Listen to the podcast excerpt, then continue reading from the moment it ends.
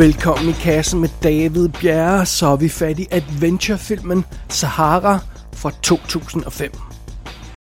Admiral, have you ever seen a Confederate gold dollar? Oh, dear God, don't start this again. Of course not, because the Confederacy never made a gold dollar. The mint was destroyed near Dirk, the end of the I war. beg you, on my hands and knees, don't. But not before. Jefferson Davis had five samples made. He gave four of those samples to his top generals Lee, Stonewall Jackson, Jeb Every Stuart, and time we come to Africa, out comes that stupid ship model. Out come the old port journals. We are leaving for Australia tomorrow. Four of those samples have been found. But the fifth never was. That one was given to an old family friend of Davis, a brilliant young sea captain named Mason Toombs, captain of the CSS Ironclad Texas. Huh? Where in the hell did you get this? Frederick Oshadi, he got it from a man named Ndigwe. But the important thing is that Ndigwe found this in Labazanga, Mali. Hey, my dad collects coins. No, that coin and the Texas were on the Niger River. It's impossible. An ironclad couldn't make it with her draft. Let me take the Calliope up to Labazanga, have a look around. Can't have my boat, Dirk. Three days, Admiral. Just three days, imagine. Imagine. 2023, det er jo simpelthen året, hvor Indiana Jones vender tilbage til biograflærerne efter en pause på 15 år. Men hvorfor er det egentlig, at Indiana Jones er den eneste sådan tilbagevendende øh, adventurehelt, vi har i biffen? Hvorfor har vi ikke en hel serie af film med Dirk Pitt? Ja, det er jo spørgsmålet. Dirk Pitt er helten i Sahara, og det er en romanserie, eller film er baseret på en romanserie, der er skrevet af Clive Cussler. Og der skulle ellers være nok af historier at tage af i den der romanserie, fordi siden debuten i 1973, der er der altså kommet 26 romaner. Så øh, ja, måske er problemet, at Dirk Pitt lyder som et øh, porno-alias. jeg, jeg frelægger mig et hvert ansvar, hvis jeg kommer til at kalde ham for, for, for, for Dirk Diggler undervejs. Øh, måske er problemet også den her... Øh, hvad skal vi sige, sådan ligegyldige titel på den her første Dirk Pitt-film, altså Sahara. Okay, det er en ørken, og hvad så? Altså, det lyder ikke særlig interessant. Øh, måske er der endnu flere grunde til, at vi ikke har et hav af Dirk Pitt-film, men det skal vi nok komme tilbage til lidt senere. Før vi når så langt, så lad os lige kaste os over historien i denne her film. Sahara, den første Dirk Pitt adventurefilm. Vi starter vores historie med et flashback til 1865. Det er slutningen sådan cirka af den amerikanske borgerkrig. Og her ser vi nogle sydstatsstyrker i Richmond, Virginia, der forsøger at stikke af med nogle øhm, guldreserver simpelthen.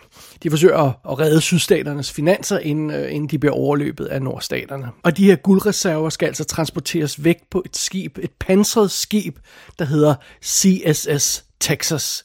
Det er et såkaldt ironclad skib. Og det er altså sådan et lavtlæggende dammskib, der er dækket med øh, øh kæmpe øh, øh metalplader eller stålplader, eller hvad, hvad det er, sådan, så det er næsten umuligt, umuligt at skyde i sænk, og, og så det har en meget lav profil, og kan sådan snige sig rundt. Og, og, øh, og ja, det her skib, det, det sniger sig ganske vist væk ud i natten i en sky af krudtrøg, og så ombord har det altså den her kæmpe guldskat. Efter vi har set den der start, så rykker vi historien til nutiden, til det vestafrikanske land, der hedder Mali.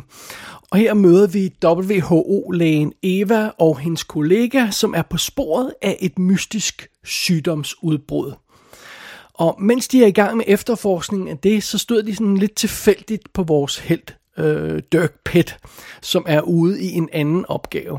Dirk Pitt og hans ven Al, de arbejder for National Underwater and Marine Agency, øh, NUMA, og øh, de er simpelthen i gang med at hive en forsvundet sarkofag op fra havets bund. Det er deres øh, mission lige i øjeblikket.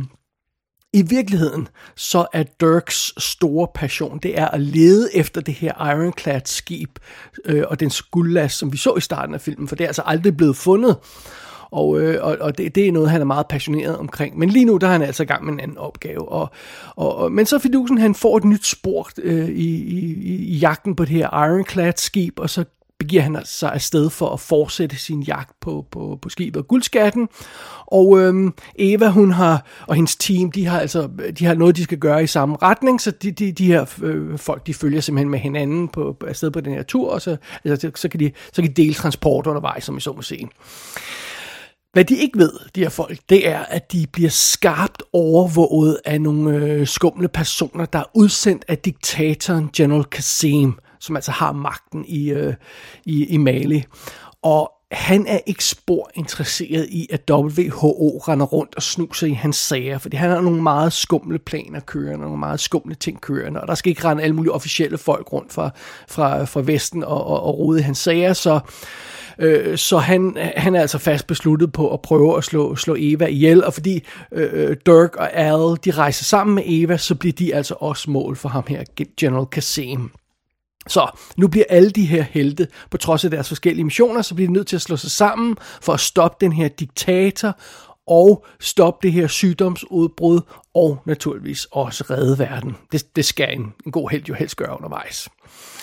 Og øh, ja, hvis der bliver tid til det, så øh, kan det også være, at Dirk han øh, lige får tid til at lede efter det her skib med guld, som han, øh, som han bestemt mener, han har et hot spor på i øjeblikket. Alright, det er simpelthen plottet her i Sahara. Og filmen den er instrueret af den relativt uerfarne, i hvert fald på det tidspunkt, Breck Eisner. Og han har altså, øh, han laver denne her, øh, øh, han laver lidt småting først, lidt tv-serie, et episode af Taken blandt andet, øh, tv-serien. Og, øh, og så laver han denne her film, og efter den så laver han tv-filmen Thought Crimes, han laver øh, 2010-filmen The Crazies, og 2015-filmen The Last Witch Hunter, som vi har anmeldt tidligere her i kassen, det var forfærdeligt. Og, øh, og så har han altså begyndt at lave tv, så han har instrueret 14 episoder af den her science fiction tv-serie, der hedder The Expanse, som er ret cool. Og, og ellers har han altså ikke lavet noget kæmpe øh, filmværk øh, siden øh, øh, Last, øh, altså biograffilm, siden The Last, øh, Last Witch Hunter. Og øh, fidusen er, det var altså en anden instruktør, der oprindeligt var på den her film, Rob Bowman, som jo blandt andet lavede X-Files spillefilm og Rain of Fire. Øh, og, øh, og han var oprindeligt på, men, men han blev altså træt af, af forfatteren øh, Clive øh, Cussler, ham vender vi tilbage til senere, så, øh, så han sprang altså af, og så var det, det blev den her relativt uerfarne Brick Eisner, der kom på. I hovedrollen som Dirk Pitt, der har vi Matthew McConaughey, som øh, jo altså, øh, når han laver den her film, så har han jo altså lavet øh, sådan noget som U571, øh, Rain of Fire fra 2002. Han, øh, han er nok mest kendt på det her tidspunkt for de sådan lidt, lidt mere romantiske ting som The Wedding Planner og How to Lose a Guy in 10 Days. Han, altså han er ikke rigtig blevet den ikoniske Matthew McConaughey, vi kender i dag, men han er på vej. Og, og det skal selvfølgelig lige med til historien, at han var altså ikke første valg. Øh, man forsøgte at få fat i Tom Cruise til den her rolle, man forsøgte at få fat i Hugh Jackman, Christian Bale, Owen Wilson, Heath Ledger, Christian Slater, apparently også. Så øh, ja, øh, under omstændigheder, der var en masse andre folk, der var, der var, der var øh, der var ude efter den her rolle, men, men Matthew McConaughey, han, han var altså åbenbart meget opsat, han kendte figuren og var meget opsat på at spille Dirk Pitt. Og, øh, og ja, det kom han så til. Øh, I rollen som Eva, der er den her WHO-læge, der har vi Penelope Cruz, som øh, ja, jo altså har lavet en del amerikanske øh, øh engelsksprogede ting på det her tidspunkt. Altså Vanilla Sky fra 2001. Hun er med i Captain Corelli's Mandolin i 2001 også, og Blow og hun er også med i Gothica på det her tidspunkt. Hun er, sådan ved at, hun er ved at blive en rigtig god stor stjerne på det her tidspunkt, men hun er sådan, ikke helt blevet det endnu, men, men godt på vej. Som Al, der er øh, Dirk Pitts trofaste marker, der har vi Steve Zahn. Han er, som man kan regne ud på den casting, så er den karakter jo altså comic relief. Øh, Jack Black var første valg, så det, det siger meget godt om, hvad for en type man var ude efter. Men alt andet lige, så synes jeg, det er godt valg, øh, at man endte med Steve Zahn. Han er fantastisk. Øh, på det her tidspunkt, der har han jo altså lavet sådan noget som Suburbia i 1996, og Forces of Nature, som vi har snakket om her i kassen, og 2001-filmen Joyride, som jeg husker også var meget sjov øhm, som deres boss, om jeg så må sige, der forsøger at kontrollere de her, øh, de her eventyr, øh, øh, øh, hvad hedder det, øh, Dirk Pitt og, og Al, der har vi Admiral Sandecker, som bliver spillet af William H. Macy, som øh, på nuværende tidspunkt, øh, når den her film bliver lavet, har, har lavet sådan noget som Magnolia og Staten Maine og Jurassic Park 3 er han med i, så han er ved at komme op sådan i A-list-filmene. Og øh, så har han også lavet den fantastiske Spartan året før den her som øh, fjerde, fjerde manden i det der team, så også sådan en lille smule comic relief, også lidt tech guyen, Rudy, der har vi Rain Wilson, som øh, jo altså får øh, The Office, den amerikanske udgave af The Office tv-serien, den får han samme år og, og, og laver den fra 2005 til 2013. Og, øh, og det er meget sjovt på kommentarsporet, der snakker de om, at ham, ham Rain, der, han har lige fået en ny tv-serie, øh, noget der hedder The Office. Øh, det bliver spændende, så, så altså, han, er sådan ikke rigtig, han har ikke rigtig fået det store gennembrud. Det ved jeg faktisk ikke, om han egentlig har nu på nuværende tidspunkt, men, men jeg føler, at øh, Rain Wilson er en lidt bedre kendt øh, person nu, end han var dengang.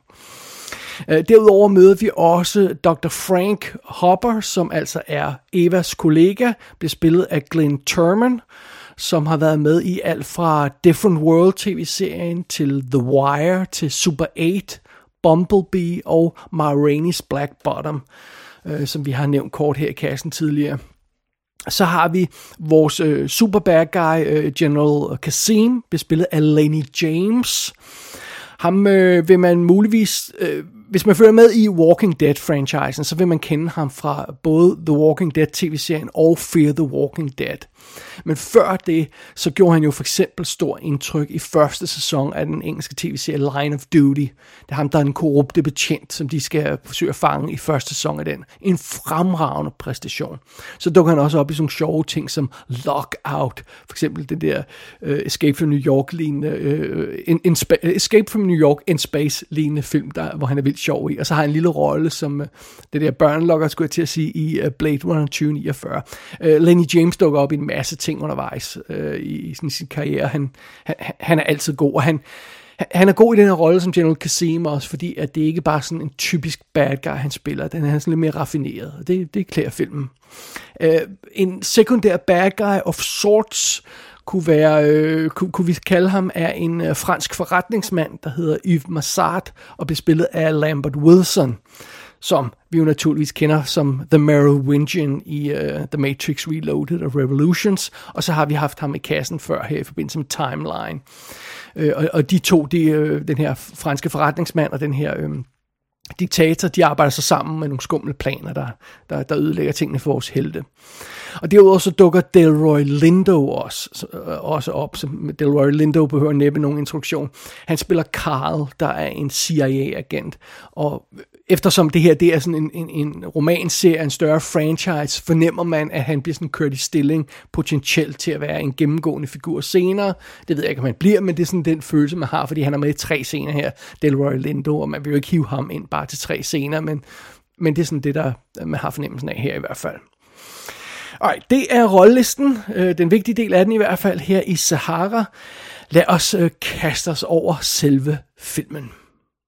I understand you believe there is some sort of plague coming out of Mali? We don't like to say plague.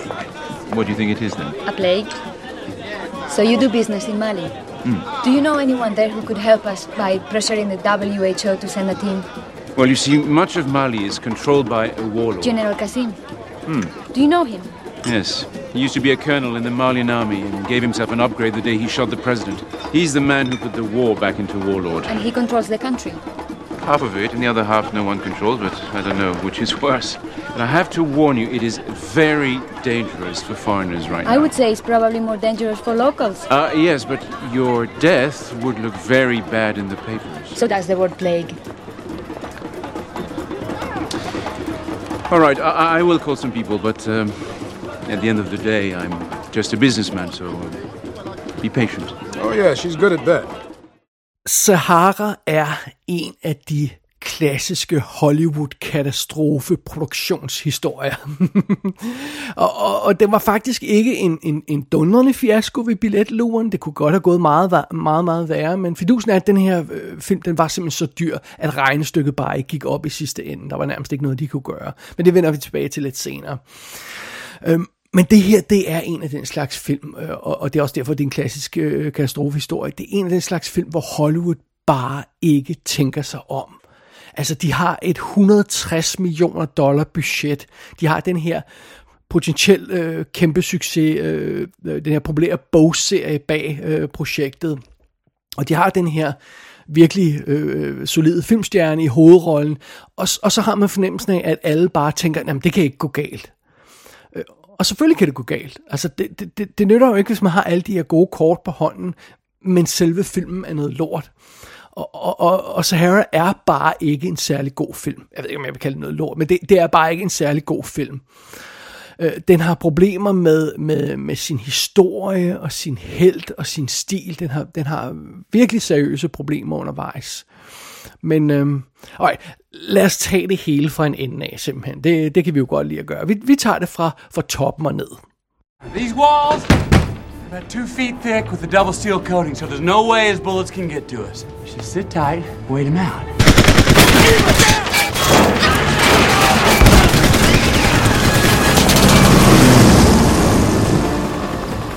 Hey, Dirk. Yeah. You want to talk me through that again? Lad os starte med at forestille os, at vi skal introducere en ny held til biograferne. En held, der skal lege i samme sandkasse som Indiana Jones, eller Rick O'Connell fra Mummy-filmene for eksempel, eller Jack Colton måske fra, fra Romancing the Stone, sådan den stil der. En, en klassisk øh, uh, gauchos eventyr, på, på, der, der tager på skattejagt og sådan noget. Det er sådan, det er sådan den her held, vi skal have fat i. Og hvordan skal vi så introducere den her held til biografpublikummet, der formodentlig ikke kender øh, romanserien og, og ikke har stødt på Dirk Pitt før. Jamen, vi skal naturligvis introducere den her held med en scene, der gør indtryk.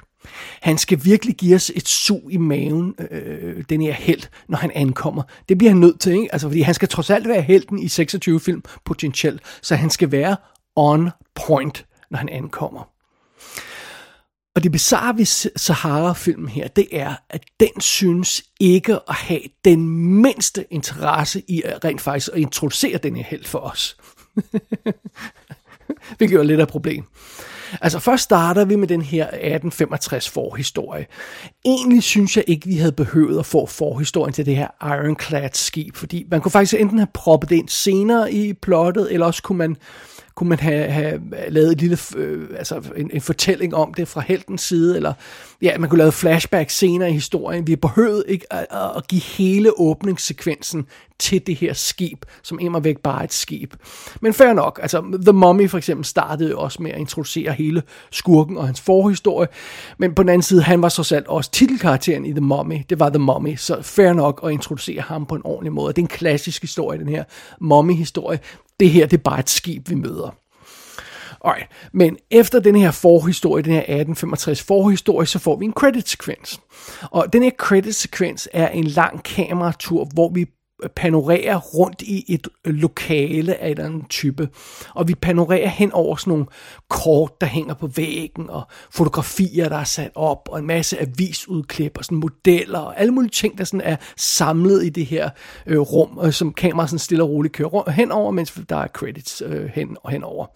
Øh, og når jeg sidder og ser på sådan en scene, så bliver jeg altid i tvivl, fordi altså, i princippet så burde man ikke komme noget ind i credit-sekvensen, mens der bliver vist rullet, eller mens der bliver introduktionstekster der. Så burde man ikke komme ned, noget ind i sådan en sekvens, som man skal holde øje med, fordi det er en lille smule forvirrende, at det er i baggrunden bag tekster, der sker noget. Så, så, så hvis det er meningen, jeg skal holde øje med det, der, der bliver vist i en credit-sekvens, så, så fungerer det ikke super godt. Altså, jeg, jeg, jeg bliver i tvivl, når jeg ser sådan en sekvens. Skal jeg bruge den her information senere? Skal jeg holde øje med, hvem der er på de her postkort, og hvad, hvad det er for nogle landkort, jeg ser?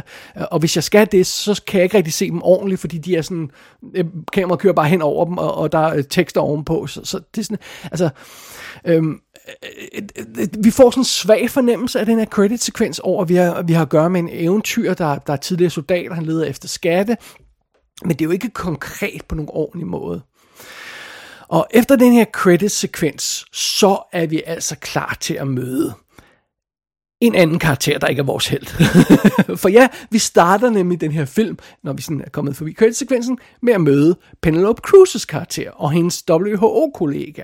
Og så er vi tager hul på den her historie om øh, den her sygdom, der breder sig, og øh, lokale folk har sådan, det, det ligner en pestsygdom af en eller anden slags, og de, de kan ikke finde ud af, hvad der, øh, hvad der er gået galt. Det er selvfølgelig noget, der relaterer til, til, til, til, til slutningen, det skal vi ikke komme ind på her. Øhm, og, og, og, og så skal, begynder vi at følge den her historie og de her karakterer, og det er altså ikke vores held, vi følger. Øhm, vi har stadig ikke mødt vores held, og vi har ikke hørt mere til hans historie, hans mål i den her film endnu. Og, øh, og det er sådan en relativt lang sekvens, den der, øh, øh, vi møder med øh, Penelope Cruz i, øh, Penelope Cruz. Det sjove ved det er, hele er, at, at filmfolkene skød rent faktisk endnu en sekvens, der skulle have været i denne her del af filmen, før vi møder helten. Det er den såkaldte Kitty Manok-sekvens, hvor vi ser en kvinde, der flyver afsted med et fly i en sandstorm i en 31, og så styrter hun ned øhm, med sit fly, det går galt, og øh, det fly, som hun styrter ned med, det finder Dirk og Al i ørkenen halvanden time senere i filmen. Og, og, og, og, de fandt så ud af filmfolkene, at det var ikke nødvendigt, at vi havde mødt det fly først. De finder bare et fly i ørkenen, og så går vi ud, ud fra, at der er et fly, der styrer ned. Vi behøver ikke at se en, en flash forward, øh, flashback sekvens med det i starten af filmen. Og apparently så synes testpublikum også, at det var for, for alt for meget fucking intro, før helten dukkede op. Så de, no, så de klippede den her sekvens ud. Øh, det gjorde de i det mindste. Men fidusen er, selv med den øh, sekvens klippet væk, så går der altså stadig først 12 minutter, før vi møder Dirk Pitt i den her sekvens, øh, den her film. Og når vi endelig møder ham, så er det virkelig en bizarre øh, serie af scener. Første gang, når vi ser ham, så sidder han på en gummibåd i sådan vandet øh, ud for en strand. Og det er sådan nogle long shots, hvor vi, hvor vi sådan lidt okay, er det en tilfældig fisker, eller er det Matthew McConaughey, det der? Nej, det er vist nok vores held. Øh, men det kunne også godt være en tilfældig ekstra, jeg er ikke helt sikker. Det er første gang, vi ser helten. Øh, derefter så er det øh, inde på stranden, hvor, øh, hvor altså, øh, Dirk Pitt han er jo så ude i vandet på den her gummibåd der, øh, langt ude i vandet. Så pludselig inde på stranden der, så er det der, hvor vi møder øh, Penelope Cruz igen. Hun er stukket af fra nogle folk, der jager hende, nogle skumle folk, der prøver at, at dræbe hende, og de indhenter hende på den der strand, og pludselig så teleporterer Dirk Pitt altså ind på den der strand fra sin gummibåd og redder hende ved at dræbe de her folk. Og øh, sekvensen er lavet i sådan nogle rystet, øhm, øh, hvor man har øh, skudt, sådan øh, lynhurtigt klippet skud, hvor man skruet op for shutter speeden, sådan, så det bliver, det bliver sådan det her hakkende fotografering, øh, og enormt kaotisk, og man ser lige glemt af en fod og en hånd og et, øh, en skulder eller sådan et eller andet. Øh, vi kan faktisk ikke rigtig se, om det er Dirk Pitt, eller om det er Matthew McConaughey, for det går så hurtigt.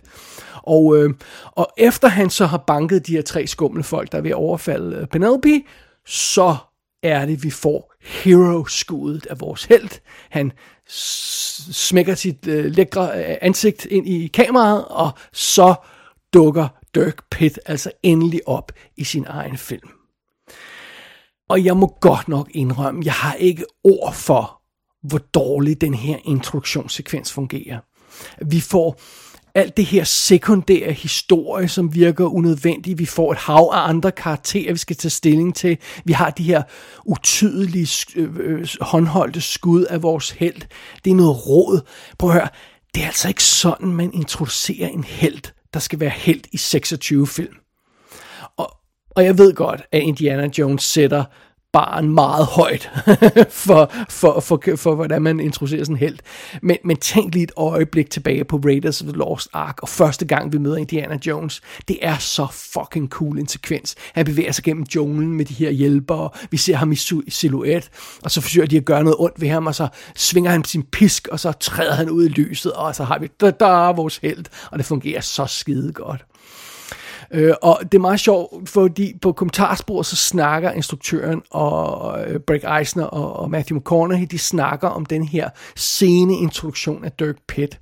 Og, og, og øh, de er helt klart bevidst om problemet med, at Dirk han kommer sent ind i filmen. Og de bekræfter faktisk også, at den her credit-sekvens er et forsøg på at løse det problem. Altså, øh, det, det er vores introduktion af helten, det der panorering hen over nogle postkort. Øh, Øh, det er deres forsøg på at løse problemet med, at helten han kommer så sent ind i filmen. Og, og den løsning virker naturligvis ikke. Altså, øh, vi lærer jo ikke vores held at kende ved at, øh, at panorere hen over øh, nogle gamle fotografier af ham. Sådan, altså, det, det kan man jo sige sig selv. Og igen det der med, at jeg er i tvivl om, man skal holde øje med det, det der sekvens. Kommer der noget vigtig information her? Well, apparently så var det der, jeg skulle møde vores held for første gang. Øh, og og, og det, det, det er sjovt, fordi instruktørerne og Matthew, de snakker jo altså også om, at det er med vilje, de introducerer Dirk Pitt i de her øh, skud, hvor vi ikke kan se ham ordentligt, fordi de tror, det er cool. Og i stedet for at få et ordentligt glimt af ham, øhm, øh, så, øh, så ser vi, altså vi ser ham ikke ordentligt, så, så, og, og, og, vi ser bare de her brudstykker af ham med fod og en hånd og sådan noget. Og så senere ser vi ham i fuld figur. Det tror de er cool. Det er ikke cool. Altså det er ikke det samme, samme som at se Indiana Jones i silhuet, for en silhuet af en held er noget andet, end at se en fod i sandet i et hurtigt klip. Altså det er det bare. Og, og, og, og de, de tror det er cool, og de tror det virker. Det gør det ikke. Denne her sekvens, indledningssekvens og he, hele starten på filmen, virker simpelthen bare ikke ordentligt.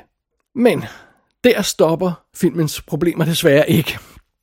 Fordi den næste sekvens af scener i filmen er virkelig fucking besynderlig. Fordi fidusen er, Penelope hun vågner op øh, på, på, på et skib. Hun, er, hun blev overfaldet på stranden af nogle øh, slemme guys, og så blev hun reddet af Dirk Pitt, og, men hun blev altså slået bevidstløs undervejs, og nu vågner hun op på det her skib, hvor øh, Dirk og Al og deres chef og det her kæmpe crew er i gang med at hive den der sarkofag op af vandet der.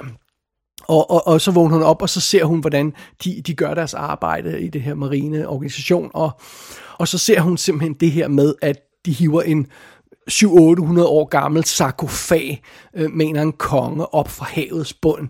Og Dirk han står sådan oven på den der sarkofag i, i dykkerdragt, som om han alene gjorde det her fund og siger, der, der må jeg præsentere for den her konge.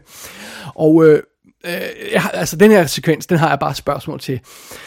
Hvis den der sarkofag, som de nu hiver op af vandet, er deres mission, hvis hele det her crew arbejder på at få bragt denne her sarkofag op fra havets bund. Øhm, og hvis det er deres mission her, hvad fanden i helvede lavede Dirk Pitt så i en gummibåd i forrige scene? Hvor han bare lå der og, og fiskede, eller I don't know, what, altså hvad fanden han lavede. Altså, okay, der kan være gået noget tid mellem, han var i den der gummibåd, men, men det er sådan en underlig måde at sådan, hvorfor var han der, når han burde være oppe på skibet, og det giver ikke rigtig nogen mening. Det er sådan virkelig, det er bare dårligt fortalt, og det giver ikke nogen mening. Og, og efter vi har fået det her bizarre sekvens, hvor, hvor, hvor, hvor Dirk Pitt så viser, at han er den store skattejæger der vil hive den her sarkofag op. Øh, efter det, så siger øh, deres boss, boss, som bliver spillet af William H. Macy, han siger, om I skal skynde jer, fordi kongen skal være klar til at møde sine gæster på et museum om fem timer. Så wait, wait, what, what? hvad, hvad fanden er det for noget sludder? I har lige hævet en 800 år gammel øh, kiste op fra havets bund. Den er dækket af mudder og gammel lort, der sidder fast på den her kiste. Og det er jo ikke bare sådan noget, at man lige går hen med en hammer, og så slår det væk, eller spuler sådan en kiste rent. Altså, det skal jo behandles omhyggeligt, så den ikke bliver ødelagt. Det, det er jo det her 800 år gamle fund. Det er jo ikke sådan, at man bare lige, øh, om vi skraver lige det her lort af, og så smækker vi den her kiste på en speedbåd, og så ræser den afsted til et museum til en åbning. Altså, det er, jo, det, det, altså, det er jo ikke sådan, det fungerer. Det er, jo ikke, det er jo ikke sådan, man gør. Plus, hvad med timing i alt det her? Fordi, okay, der er det her arrangement på museet, right? Og der venter de på den her kiste med kongen, som de jo altså ikke har fundet endnu, så går man ud fra, at der er lavet et arrangement på det her museum. Man har bestilt catering, man har bestilt, øh, øh, lavet et program, man har inviteret alle de her gæster, uden at vide, om de rent faktisk kunne se den her konges sarkofag, som de er blevet inviteret for at se, fordi den var ikke hævet op af vandet endnu. Det er jo fem timer før det her arrangement, den rent faktisk blev hævet op af vandet. Altså, det giver jo ingen mening. Det giver jo ingen mening. og den sekvens er problematisk af flere årsager. For det første, fordi det er noget åbenlyst vås, det her med, at Matthew øh, McConaughey, han hopper rundt og er forskellige steder, og det her med, at de skal, skal sende den her sarkofag afsted på fem timer, det er noget åbenlyst vås. Men den her sekvens er også et problem, fordi den indikerer, at filmen enten er ligeglad med, eller ikke forstår sin egen helts job. Altså, hvad er en skattejæger i den her øh, sammenhængsjob? Hvad skal han gøre? Han hiver de her ting op fra, fra, fra havet og beskytter dem og redder dem til, til, til eftertiden og sådan noget. Men, men, men filmen tror, det bare tager øh, et, øh, et par timer og lige gør sådan ting ren og sende den afsted. Altså, igen, det er et problem, at, at det virker som om filmen ikke har sat sig ind i heltens job. det, er for, det er forfærdeligt. Hele det starten af den her film er forfærdelig. Og nu vi har fat i den her held, øh, som, øh, som, øh, som, som, som jo altså hedder Dirk Pitt, ikke Dirk Dickler, og øh, spillet af Matthew McConaughey. Øh, når vi nu har øh, øh, øh, er fat i ham, så lad os lige, hive, øh, altså lige snakke lidt mere om ham, fordi jeg synes Dirk Pitt-karakteren er et problem. Øhm, øh, Matthew McConaughey, han er en steg. Ja, han er, han er en, en, en flot fyr, og han er, øh, ser hammerne godt ud i bare overkrop og sådan noget. Det er altså meget fint. Men hans udgave af, af den her karakter Pitt fremstår som et useriøst fjols. Altså, Indiana Jones, han er en gavtyv, ja, og han er også en, en, en charmerende good med ladies og sådan noget. Men vi er aldrig nogensinde i tvivl om, at Indiana Jones er god til sit job og tager det alvorligt. Og det er ligesom om, at de kvaliteter, som Matthew McConaughey har som person, dem har han bragt videre til den her Dirk Pitt-karakter. Matthew McConaughey slår mig så som, som sådan en afslappet øh, type, der, der klarer sig gennem det meste af livet på sin charme og lurer mig om, han nogensinde har tilbragt en nat alene, medmindre han havde lyst til det. Altså, den type person fremstår øh, Matthew McConaughey som. Og, og det har han så bragt videre til Dirk Pitt-karakteren. Og, det fungerer ikke særlig godt. Og det er som om filmen bare øh, tolererer den her attitude og går ud fra, at øh, om, altså, Dirk Pitt er jo helten, så vi skal jo elske ham. Nej, øh, det skal vi ikke. Det skal han gøre sig fortjent til. Han skal vise, at han er en god held, vi kan holde af, som vi gider at følge. Øhm, men der er ikke rigtig gjort noget arbejde fra filmens side for at gøre den her karakter for det første til en troværdig øh, øh, øh gut, der kan sit job, øh, og, øh, men for det andet også en, en sympatisk person, vi rent faktisk gider at følge og holder af. Øh, øh det, det, det, det, det lægger filmen ikke nogen kræfter i. Og det betyder selvfølgelig også, at, at når, når helten ikke rigtig fungerer, og, og, og filmen generelt bare ikke gør sit arbejde med karakteren særlig godt, så betyder det selvfølgelig også, at forholdet mellem øh, Dirk Pitt, jeg helt ved at kalde ham Brad Pitt også, Dirk Pitt, øh, øh, forholdet mellem Dirk Pitt og den her læge Eva, det er jo også hult. Altså, ja, det, Matthew McConaughey og, og Penelope Cruz, de er lækre, og, og, og, og, og, og de vil sikkert lave nogle smukke børn sammen, hvis de kaster sig over hinanden. Det er altså meget fint. Men der er ingen kemi imellem dem. Der er ikke, der er ikke sådan den her spark, hvor man siger, okay, jeg forstår, hvorfor den her seriøse læge falder for den her øh, øh, gavtyv af en eventyr. Det, øh, øh, det, det, det er der ikke noget. Der er ikke nogen spark imellem dem på den måde. Og øh, apropos helten her, så er det jo også fascinerende og, og, og dybt problematisk, at vores helts største mål, som jo er at finde det her Texas-skib, øh, det her Ironclad-skib og den her guldskat, hans største mål, det er noget, som alle andre er ligeglade med. Altså, når han begynder at snakke om det her Ironclad-skib, så øh, er der ingen, der gider høre på, øh, høre på hans ævl. Åh, oh, leder du efter det her skib igen? Øh, selv hans bedste ven har sådan himmelvendte øjne. Åh, oh, come on, nu det igen. Øh, altså, når, når Dirk Pitt, han begynder at snakke om, at han har fundet det næste spor til det her skib. Yeah, sure, right. Good luck, og sådan noget, ikke? Det, det er alles attitude. tænk, tænk, hvis alle havde himmelvendte øjne, når Indiana Jones, han nævner arken. Jeg skal ud og finde det der ark. Ja, good luck. altså, det fungerer jo ikke. Altså, det, øh, så, så er det jo klart, at han, han virker som useriøs held, når alle tror, at han er en idiot. Øh, og, og, og jeg vil lige understrege, at hvis man tror, det er urimeligt, eller synes, det er urimeligt at hive fat i Indiana Jones hele tiden i sammenligning med den her Dirk Pitt-karakter, så altså, lad mig lige understrege en ting. Det er lige præcis en Indiana Jones-lignende serie, som øh, filmproducerne øh, bag Sahara vil have. Altså, det, det er lige præcis deres mål. Det siger de lodret i interviews, de vil have en ny Indiana Jones med den her karakter. Og derfor synes jeg, det er legitimt at, at, at sammenligne med den rigtige Indiana Jones undervejs. We use events to find dates, not dates to find events. Well, there was a storm. There was a great storm. One that would have raised the depths of the Niger enough to allow the boat to get here, yes.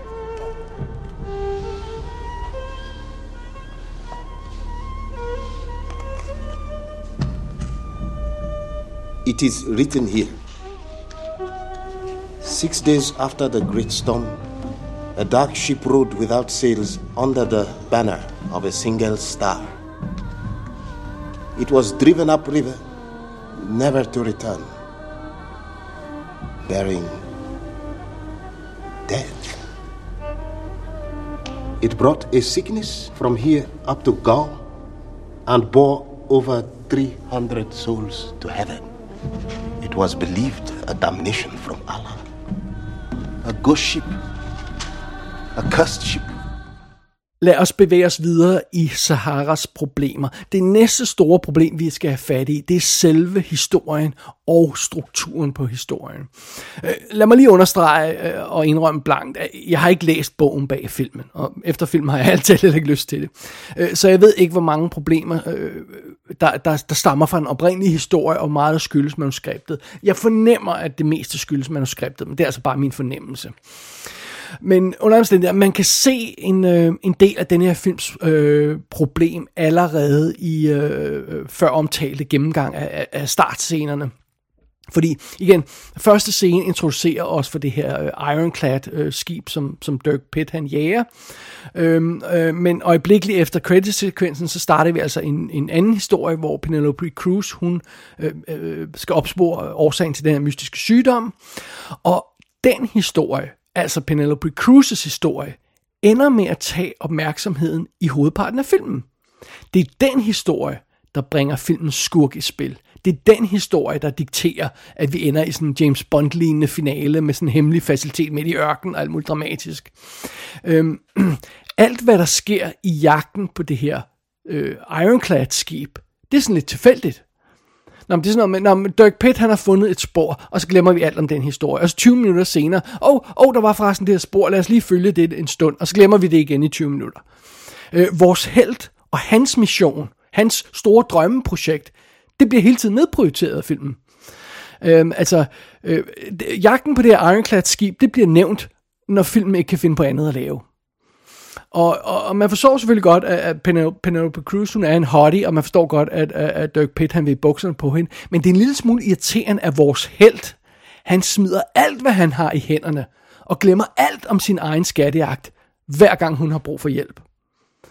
Og ideen er åbenbart, at man vil ligesom køre de her to historier i stilling side om side, og fortælle dem sideløbende, og så stille og roligt bringe dem tættere og tættere på hinanden, og så skulle de samles i finalen, og man finder ud af, at jagten på Ironclad, skibet, har noget at gøre med den her mystiske sygdom, der breder sig, og så skulle det hele gå op i en højere enhed. Det er det, der er tanken åbenbart bag øh, filmens konstruktion. Men det er ikke sådan, det føles reelt, når man ser filmen.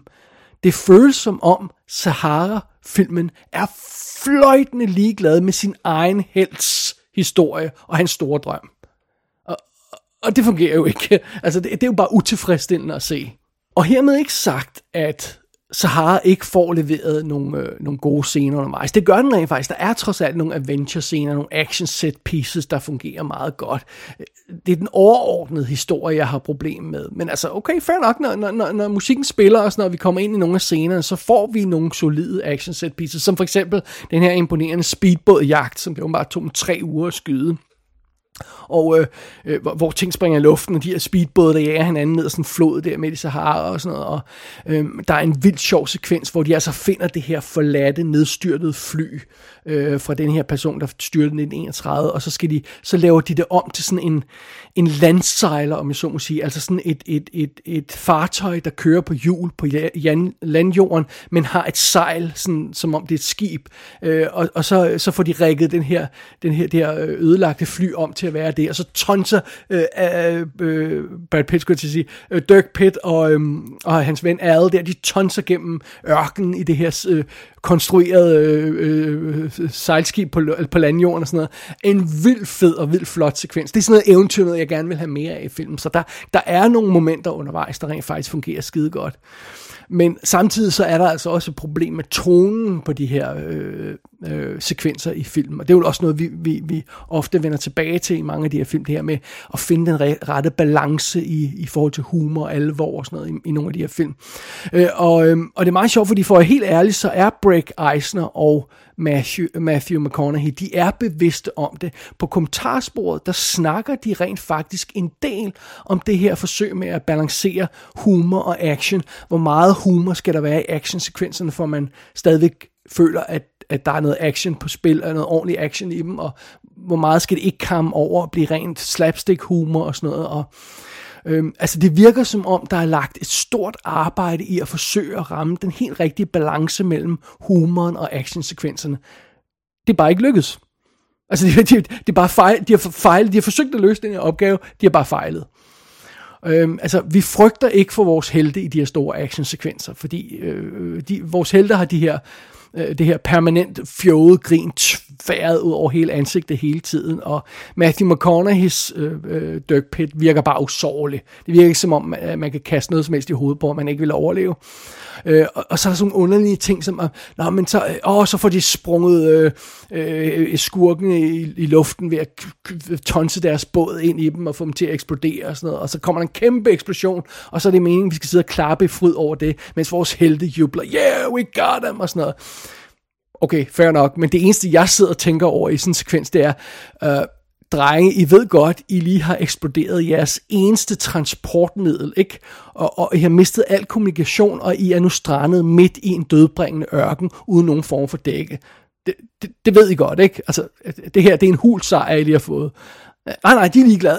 Æh, se, alt sprang i luften, det er super sjovt. Æh. Altså, ja, nej, det, altså, sådan noget kan jeg ikke snuppe. Og det er altså virkelig ofte, at der er sådan nogle sekvenser her i, i Sahara, hvor man bare sidder og siger, ej, come on, det, det holder jo ikke det der, altså, give me a break. Og øh, ja, det, det, ja, som vi plejer at sige, i sagens natur er det ikke optimalt at sidde og føle sådan ting, når man sidder og ser på en film. Hi, this is Al Giordino speaking. Al, Sandecker, I presume you're on your way home with my boat. For you. Yeah. Where are the rest of them? The doctors, where are they? They are looking for the I have to put you on hold. I don't believe this is a normal shakedown, If you do not shut up your 18, you run the risk of being fired upon. The doctors. We are looking for the doctors. Where are they? Where is the Uh, I'm woman? sorry, I don't speak English. you are speaking English now. no, no, I only know how to say I don't speak English in English. Uh huh. Al. Hi, hold on. Stop, stop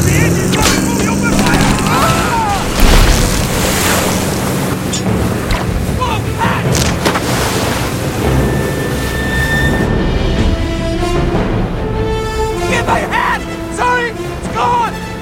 That's my favorite hat!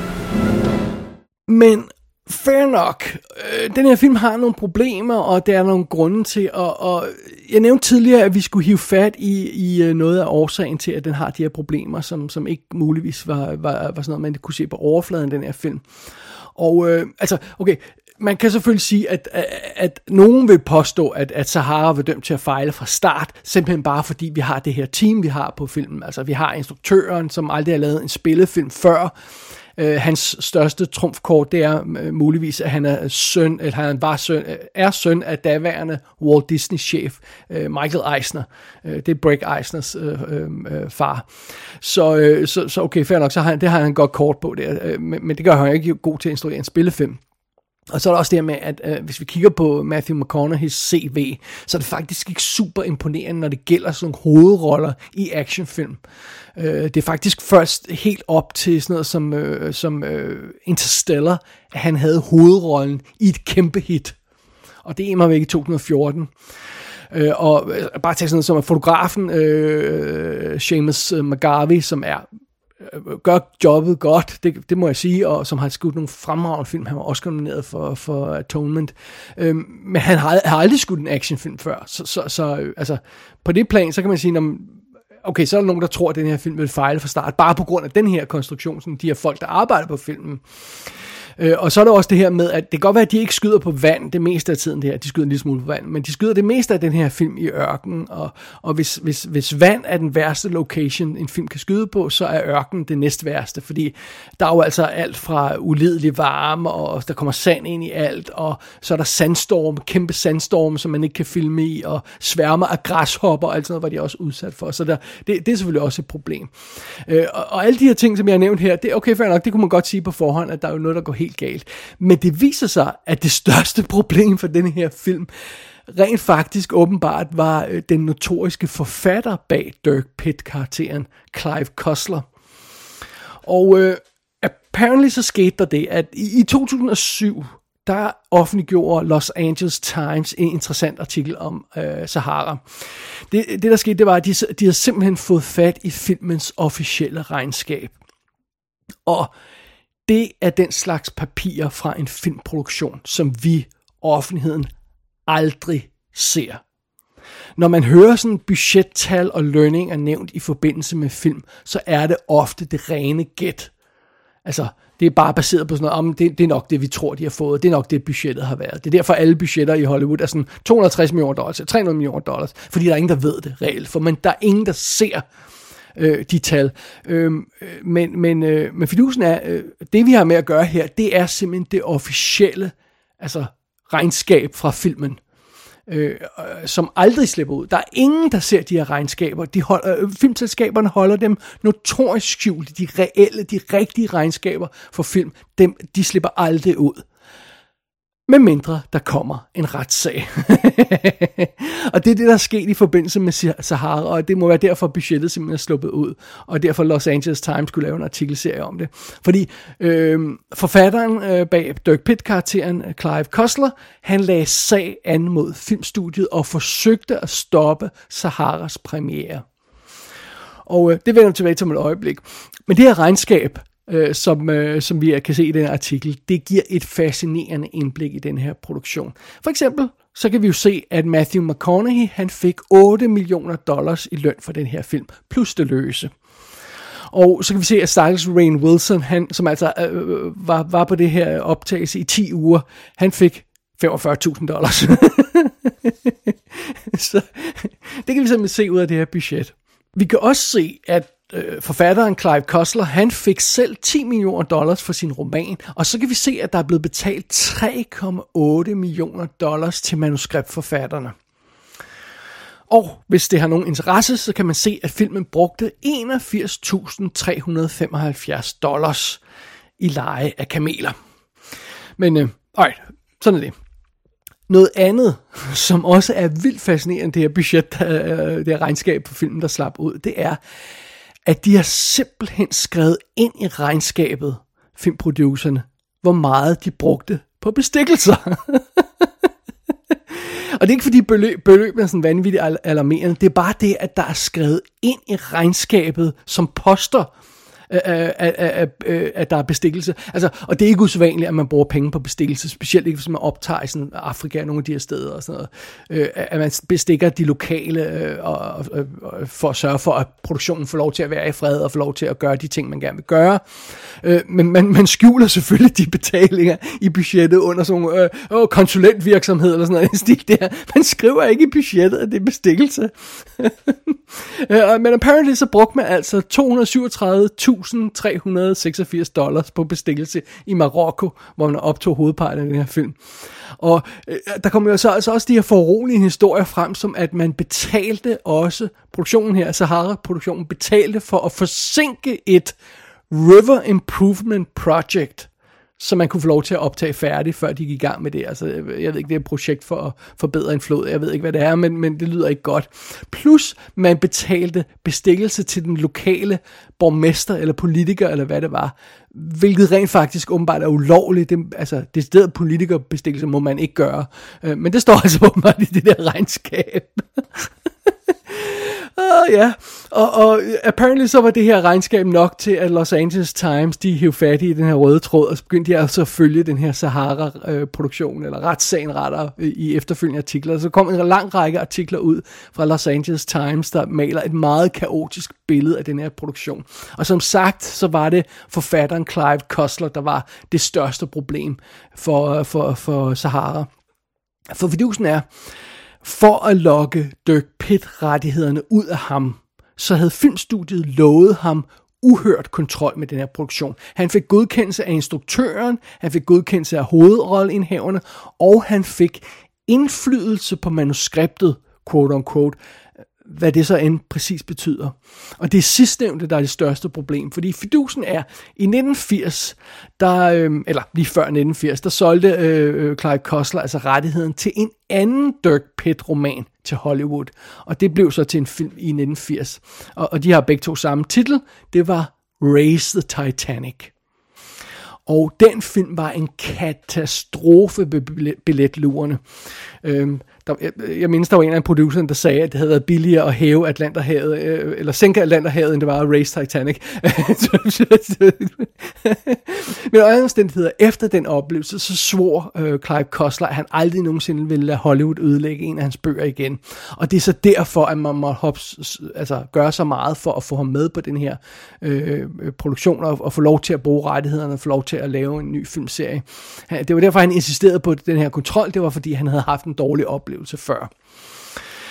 Øh, så, så hovedparten af problemet her i, forbindelse med den her produktion var simpelthen at banke det her manuskript på plads, sådan så at Clive Cussler han var glad. Og der er fire manuskriptforfattere krediteret på filmen. Der står i, i, i credits i starten af filmen, så står der screenplay by Thomas Dean øh, Donnelly og Joshua Oppenheimer. Og det er så dem, der skrev A Sound of Thunder og Conan the Barbarian remake fra 2011 sammen. Og så står der and John C. Richards. Han skrev øh, øh, 2018-filmen, tv-filmen Paterno, der var ret cool. And James V. Hart. Og det var ham, der skrev Contact og øh, Bram Stoker's Dracula og Hook. Det er de fire manuskriptforfattere, der er krediteret på filmen. Derudover så melder historien og indblikket i de her budgetter og retssagen og alt det her løjse. Derudover så melder de, at der er yderligere fire navngivende forfattere, der har lavet drafts af manuskriptet undervejs. Det er blandt andet David S. Ward, der vandt en Oscar for The Sting. Det er Josh Friedman, der, øhm, øh, der, der skrev sådan noget som War of the Worlds og The Black Dahlia. Og så er det Douglas Cook og David Weisberg, der skrev The Rock og Double Jeopardy. Oven i det, så fortæller instruktøren også, at de løbende lavede, han lavede revisioner undervejs på manuskriptet, og de løbende skrev om på manuskriptet og lavede om på scenerne på sættet. Plus, der var åbenbart adskillige forfattere on set, sådan script doctors on set til at lave rettelser i manuskriptet. Og grunden til alle de her manuskriptforfattere, alle de her problemer, det var simpelthen Clive Cussler, der havde manuskriptet og ikke ville godkende det, og ja, så noget af det selvfølgelig også, at undervejs i produktionen, så finder de ud af, at der er nogle ting, der ikke fungerer, så må de prøve at rette det undervejs og sådan noget. Øh, og, og, men men, men alle, alle manuskripter, de præsenterer for Clive Kostler, dem hader han. Så han begynder at lave revisioner og skrive om på manuskriptet selv. Fordi han forstår aftalen, han har lavet med filmstudiet, som om, at det er hans ret. Han må godt skrive om i manuskriptet og sørge for, at det er i orden, som han gerne vil have. Men fidusen er, det må han ikke, fordi han er ikke med i Writers Guild. så han må ikke arbejde på et filmmanuskript, og han må ikke skrive om i det, og han må i hvert fald heller ikke få credit for det. Og, og, men, så, så et eller andet sted, så har studiet altså lovet ham noget, de simpelthen ikke kunne holde, bare for at få lukket rettighederne ud af ham. Og, og det, der sker simpelthen det, at, at Clive Kostler, han får nok på et eller andet tidspunkt, og så lægger han sag an mod filmstudiet. Og de modsagsøger ham selvfølgelig, fordi det gør, det gør man i den slags situationer. Og øh, i denne her retssag, som igen Los Angeles Times dækker i en række artikler, der, der flyver der altså godt nok beskyldninger gennem luften. Altså, producerne sviner hinanden til, og alle sviner manuskriptforfatteren til, og en af producerne sviner instruktøren til, og, øh, øh, øh, øh, ja, og, og, og så sviner alle i øvrigt også Clive Cussler til. De siger, at han kommer med racistiske bemærkninger ofte over for folk, og Øh, han øh, foreslår, at når han så læser nogle af de her drafts, at forfatterne stopper deres keyboard op i røven og sådan noget, og han nægter selvfølgelig alt, for at være helt fair, men, men, øh, men det lyder godt nok, som om han er lidt øh, et røvhul. Og, og, og den her retssag, som, som der så kommer i forbindelse med, med, med Sahara og, øh, og, og, og, og forsøget på at forhindre de her... Ja, altså, det, det Clive Kostler vil forhindre, det er jo selvfølgelig, at hans karakter øh, ender med at blive så ødelagt, at hans bøger ikke længere sælger. Det er jo det, han, det vil han jo ikke have. Det er jo hans guldgruppe, og, og så vil han jo selvfølgelig også gerne have en god film. Men han vil også have, at den her dårlige film ikke ødelægger hans, hans, hans øh, og derfor han forsøger at få filmen stoppet. Og det er også derfor, han bliver ved med at prøve at, at lægge sagen mod, mod filmproducerne. Den her retssag om Sahara, eller det er jo flere retssager, så kører videre i næsten 10 år. Så pissed off var forfatteren Kostler over den behandling, som hans elskede Dirk Pitt karakter fik. Og øhm, det vi snakkede om tidligere, grunden til, at, at, øh, at vi ikke har en filmserie øh, øh, øh ved siden af Indiana Jones med, med den her Dirk Pitt-karakter, det er altså en af grundene til det. Det er, at, at, at den her oplevelse med Hollywood, det, det var virkelig det, der... Altså en ting var Race Titanic, men, øh, men noget andet var den her Sahara. Det gjorde forfatteren så pissed, og det er også derfor, man ikke kunne komme videre med det, og fik aldrig lavet en to, og fik aldrig lavet en franchise. Det er en af grundene til det i hvert fald. Øh, men altså, det, og, og det er fascinerende at læse de her artikler om den her retssag og det her efterspil i, i forbindelse med, med, med Sahara. Øh, og, og der bliver virkelig, virkelig luftet noget meget, meget beskidt vasketøj der. Det gør der altså. Og øh, jeg skal nok lægge link i shownoterne til alle artiklerne. De skulle være online, de fleste af dem endnu, og, og ellers kan man finde dem på archive.org. Men øh, ah, det, øh, det er altså noget af et shitshow, der foregik bag kameraet på Sahara. Det må man godt nok sige. Som jeg nævnte tidligere, så øh, kom det her øh, Øh, budget jo altså også ud, eller den her regnskab kom ud for Sahara. Og så, så lad os prøve at glemme den her retssag, alle de her skandaler og tilsvingende øjeblik, og så, og så, øh, og så kigge på det her øh, regnskab, fordi der får vi faktisk en idé om, hvordan Sahara reelt gik. Og igen, det her, det er ikke gissninger, det er ikke overslag, det er ikke sådan gæt fra forskellige filmsites. Det er de tal, der reelt står i det færdige regnskab, som altså er officielt indgivet til, til skattemyndighederne i USA. Altså, altså det, er, det er de officielle tal.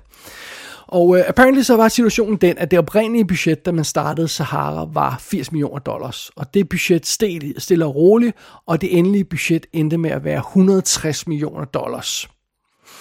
Derudover så brugte man altså 60 millioner dollars på det, der hedder P&A, altså Prints and Advertising.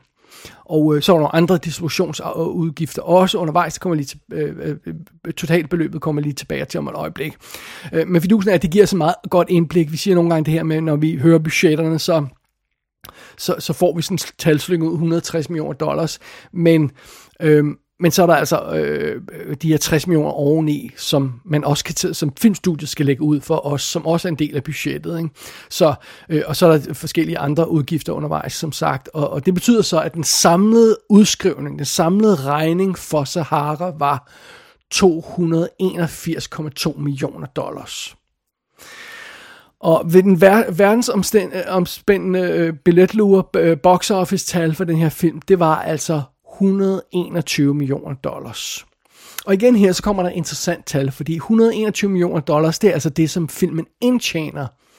Men 79,5 millioner dollars, øh, altså godt 80 millioner, det er det, der reelt går til studiet. Og det er også det, vi snakker om nogle gange, det her med, når man, en film har så så mange indtægter, hvor meget får studiet reelt? Jamen, det er sådan cirka halvdelen, plejer vi at regne med, fordi fidusen er, at hvis en film går kort tid, så får de, de øh, filmstudiet for større procenter i starten af deres run, og jo længere filmen går, jo mindre bliver deres procenter, og jo mere øh, går der til biograferne.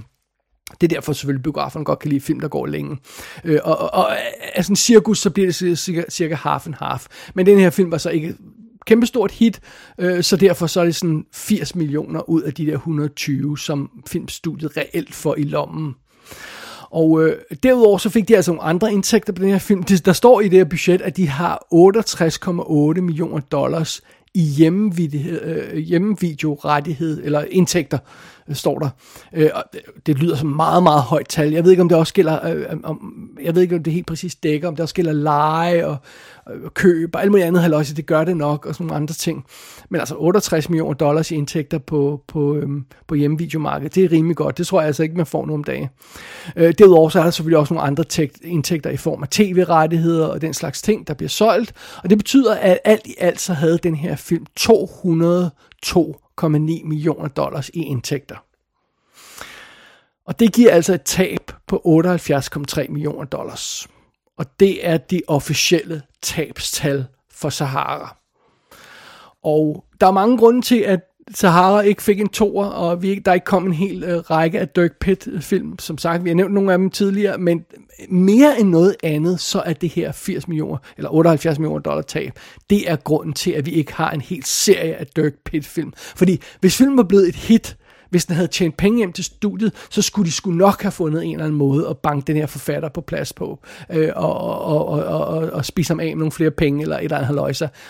Men, men altså ja, med, med 78 millioner dollars i røde tal, så, så var der bare ikke noget at gøre. Øhm, og øh, Ja, ja altså det var, det, var, det var done deal, og ja, der kom naturligvis aldrig en Sahara 2, eller det ville det jo så ikke være, det var en Dirk Pitt-film 2, fordi at det, øh, det var der ikke rigtig nogen, der havde en interesse for, og forfatteren ville ikke have det, og den her film gik øh, øh rimelig dårligt. Så det. I øvrigt, så er der en virkelig interessant behind the scenes detalje om Sahara. Og der, jeg tror, det vil være et godt trivia spørgsmål til sådan en film trivia night. Alright, here we go.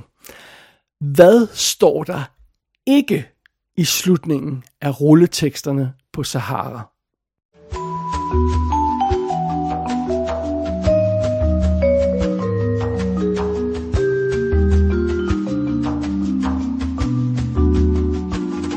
Det, der ikke står i rulleteksterne på Sahara, det er No animals were harmed during this production.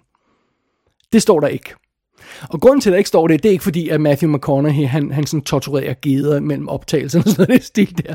Nej, grunden til, at der ikke står, at ingen dyr blev skadet i den her produktion, det var, at filmstudiet vil ikke betale for en person, der skulle holde øje med dyrenes trivsel under optagelserne.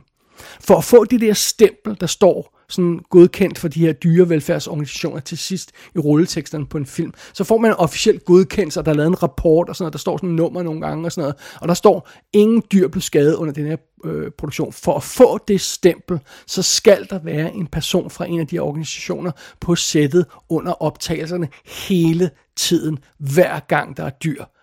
Ellers kan man ikke få det stempel. Og det vil filmens producer altså ikke betale for. Og af alle de ting, man kunne have sparet på i det her 160 millioner dollar budget, så er det alligevel en lille smule tankevækkende, at det var dyre velfærd, som Sahara-producerne valgte at spare på. Altså, så er man da lidt et røvhul, ikke? You know how it is when you when you see someone that you haven't seen since high school, and uh, and they got some dead end job, and they're married to some woman that hates them. They got like three kids and thinks he's a joke. Isn't there some point when he stood back and said, Bob, don't take that job. Bob, don't marry that harpy. You know? Your point? Well, we're in the middle of a desert looking for the source of a river pollutant, using as our map a cave drawing of a Civil War gunship, which is also in the desert. So I was just wondering when we're going to have to sit down and reevaluate our decision-making paradigm. Uh, I don't know. Working so far. Når Dirk, Pitt og hans kompaner endelig når frem til deres mål efter sådan små to timers eventyr, så er det et næsten antiklimatisk moment. Det må jeg godt nok indrømme. Det er som om filmens manglende investering i sin egen skattejagt resulterer i en finale, der gør ikke noget indtryk og efterlader sådan en tom, utilfredsstillende fornemmelse. Øh, fordi altså, det er ikke sådan øh, en kulmination af den her kæmpe jagt. For film har, har, øh, har nærmest ikke givet at investere noget interesse i den her jagt undervejs. Så selvfølgelig er, er, er det en flad slutning. Øh, Øh, og, og altså det mest spændende ved Sahara, det er jo det, der foregik bag kameraet åbenbart. Selve skattejagten i den her film er totalt uspændende, og netop fordi der er det her problem med, at film hele tiden skifter øhm, til den her anden, alt andet lige mindre intense historie om det her sygdomsudbrud. Øh, netop fordi hele, filmen hele tiden skifter til det, i stedet for at fokusere på skattejagten, så, så, så ender det overordnede indtryk med den her film med hensyn til historien med at være sådan enormt hakkende, og sådan, det er bare sådan, det, det kører ikke rigtig ordentligt ud af. De her to historier, de løber ikke sammen, sådan som de burde gøre. Og øh, jeg synes faktisk, det er synd, fordi altså, alt andet lige på overfladen, så er øh, Sahara en kompetent produktion. Det kunne, man kunne godt have reddet den, man kunne godt have fået et godt manuskript ud af den der historie. Det kunne man, man kunne sagtens have reddet den her film, hvis man havde gjort en ordentlig indsats. Øh, og jeg, og jeg, jeg mener bestemt også, der bør være plads til en, en, en, endnu en serie af adventure skattejæger film. Altså, øh, øh, hvorfor skulle der ikke være det? Altså, på tv-skærmene, der har vi haft øh, adskillige af den her type serier, der gerne vil lave sådan en Indiana Jones-agtig historie bare på tv-skærmen, og de har haft stor succes. Altså, hvis man husker tilbage på sådan en serie som Relic Hunter, der kørte i fire år, og der var den mindre succesfulde, men, men dybt charmerende Hooten and the Lady, øh, som øh, fra England for nogle år siden, og øh, Blood and Treasure har haft to, år, øh, to sæsoner. Øh, jeg er ikke færdig med anden sæson, men første sæson var fremragende. Så var også den her adventure-style stemning. Det funger, de fungerede skide godt. Og, øh, og det er sjovt, fordi på kommentarsporet, øh, der lyder både instruktøren og Matthew McConaughey enormt op, optimistiske, når det gælder øh, øh, tanken om at vende tilbage og lave film nummer to. Altså, de har alle sammen kontrakter på, på tre, tre film, fortæller instruktøren stolt. det er altså meget fint, og jeg må altså konkludere, at det der kommentarspor, det er optaget før filmen havde premiere, og før de første anmeldelser kom ind. Øhm, øh, og, og øh, det er fordi, øh, fordi de, de har ingen fornemmelse af øh, på kommentarsporet, øh, instruktøren og stjernen, hvordan den her øh, film rent faktisk blev modtaget, da den havde premiere. Øh, øh, når de optager det her kommentarspor, så lever de i en verden, øh, hvor øh, det så ud som om, at øh, der skulle komme en masse Dirk Pitt-film, og det her det vil være starten til, til en længere øh, filmfranchise. Men... Øh, men, men, men sådan skulle det ikke gå. Den verden lever vi altså desværre ikke i. I stedet for, så lever vi i en verden, hvor man tvinger den 80 år gamle Harrison Ford til at hoppe i Indiana Jones kostymet endnu en gang. Fordi så kan vi det mindste få et sidste eventyr med en held, vi rent faktisk gider at følge.